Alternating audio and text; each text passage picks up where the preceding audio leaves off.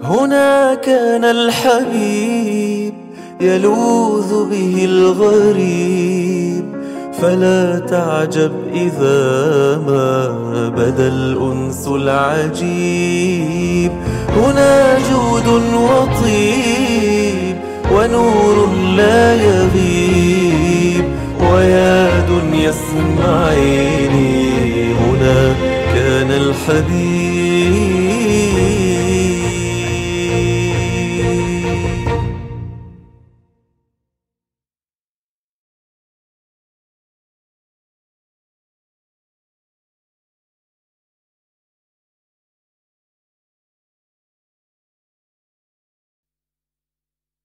أجياد مكان في مكة المكرمة. هناك رأى رسول الله صلى الله عليه وسلم جبريل على صورته الحقيقية. وذلك لأن نبينا المصطفى الكريم لم ير جبريل على صورته الحقيقية إلا مرتين. فإن جبريل كان إذا نزل على نبينا الكريم رآه متشكلا. فجبريل عليه السلام كان ينزل على نبينا الكريم المصطفى صلى الله عليه وسلم كثيرا ما بصورة رجل من الصحابة جميل يقال له دحية الكلبي. وهذا دحية كان من صحابة النبي عليه الصلاة والسلام مؤمنا به فكان جبريل يزور نبينا على صورته. ذات يوم طلب النبي عليه الصلاة والسلام أن يرى جبريل على صورته الحقيقية. ومكة تحيط بها الجبال. فرأى الرسول صلى الله عليه وسلم جبريل بمكان يقال له أجياد وهو مكان معروف اليوم بهذه التسمية وهو حي مشهور فيه جبل. نزل جبريل عليه السلام سادا عظم خلقه ما بين المشرق والمغرب. تخيل هذا المشهد العظيم. لو رأى الواحد منا اليوم طائرا بحجم المبنى لهاله المنظر ولفزع من ذلك فكيف بجبريل عليه السلام وقد نزل سد ما بين المشرق والمغرب سد الأفق كما ورد في القرآن بالأفق المبين. فلما رآه رسول الله صلى الله عليه وسلم خر مغشيا عليه. فعاد جبريل إلى صورته التي كان ينزل بها على نبينا عليه الصلاة والسلام. والتزم رسول الله صلى الله عليه وسلم. فلما أفاق نبينا الكريم قال يا جبريل ما ظننت أن الله خلق أحدا بهذه الصورة. قال جبريل يا محمد إنما نشرت جناحين من أجنحتي وإن لي ستمائة. وإن إسرافيل له ستمائة جناح. جناح واحد من إسرافيل مثل أجنحة جبريل الستمائة.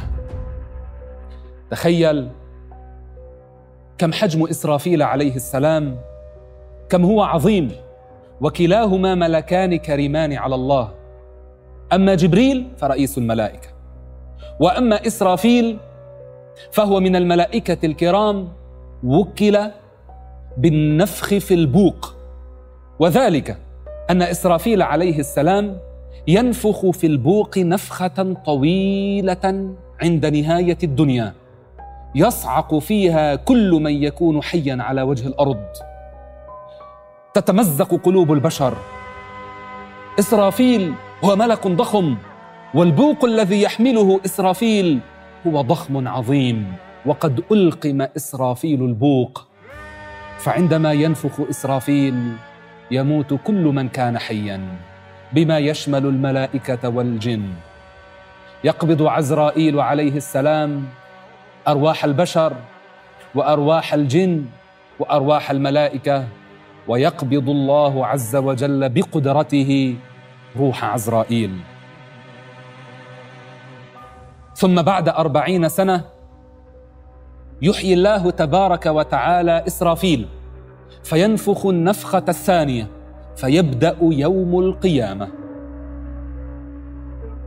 وقد رأى نبينا الكريم المصطفى صلى الله عليه وسلم جبريل على صورته الحقيقية مرة ثانية وذلك في المعراج.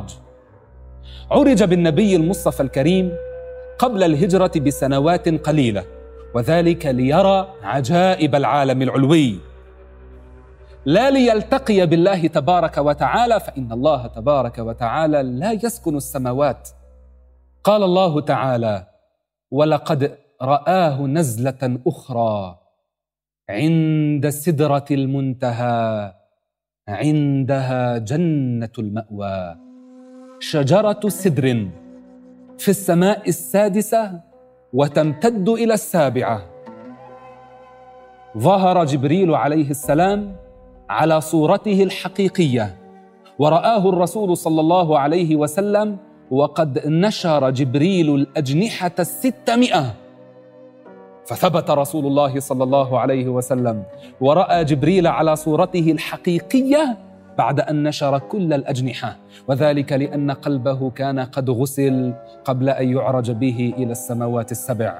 فرأى رسول الله صلى الله عليه وسلم عجائب العالم العلوي ومنها رؤيته لجبريل. فالنبي عليه الصلاة والسلام لم ير جبريل على صورته الحقيقية إلا مرتين.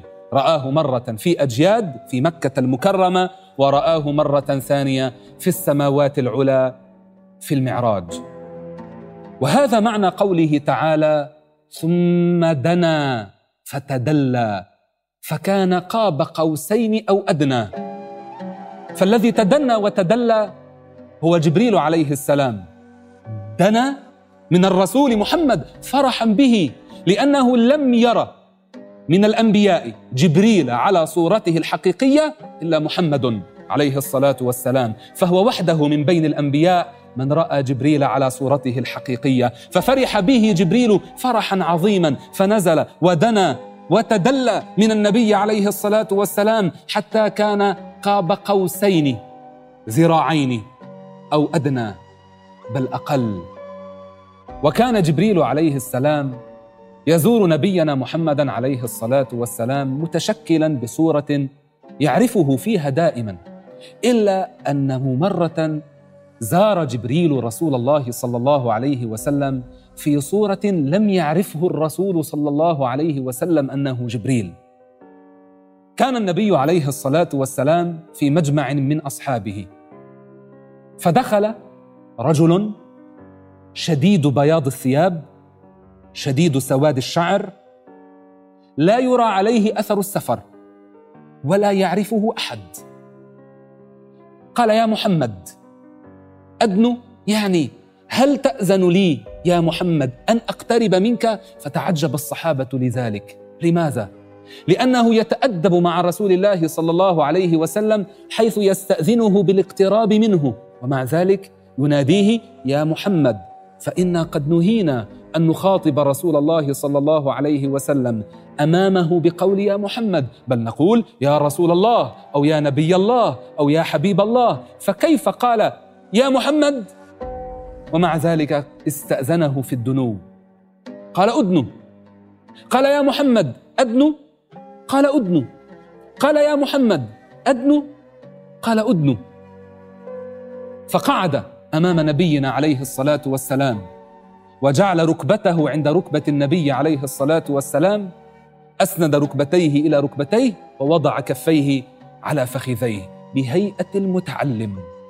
وقال يا محمد أخبرني عن الإسلام.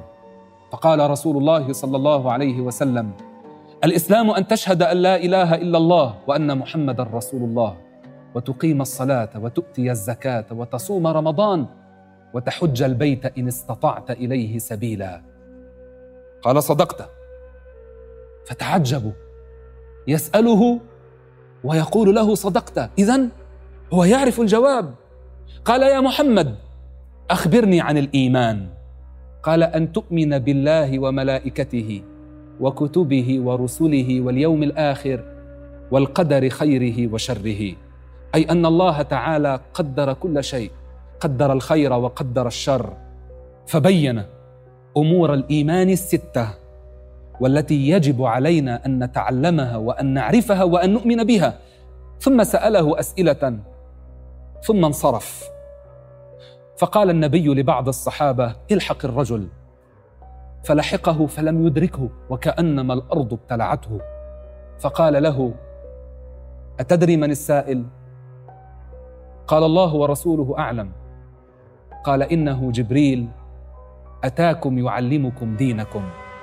وكان ذلك بعد ثلاثة أيام من زيارة جبريل لهم عرف الرسول صلى الله عليه وسلم أن هذا الزائر هو جبريل وأخبرهم أنه جاء ليعلمهم أمر دينهم. وهذه القصة حدثت في المدينة المنورة في أواخر عهد حياة نبينا عليه الصلاة والسلام. جاء جبريل عليه السلام ليعلم الصحابة ويرشدهم ما هو خلاصة دعوة النبي محمد عليه الصلاة والسلام. وفي أجياد مكان يقال إن النبي محمدا عليه الصلاة والسلام اتكأ فيه. فكان أهل مكة بعد ذلك يتتبعون المواضع التي قصدها رسول الله صلى الله عليه وسلم والتي حل فيها. فكيف بمكان كان فيه رسول الله صلى الله عليه وسلم وفيه ظهر جبريل على صورته الحقيقية؟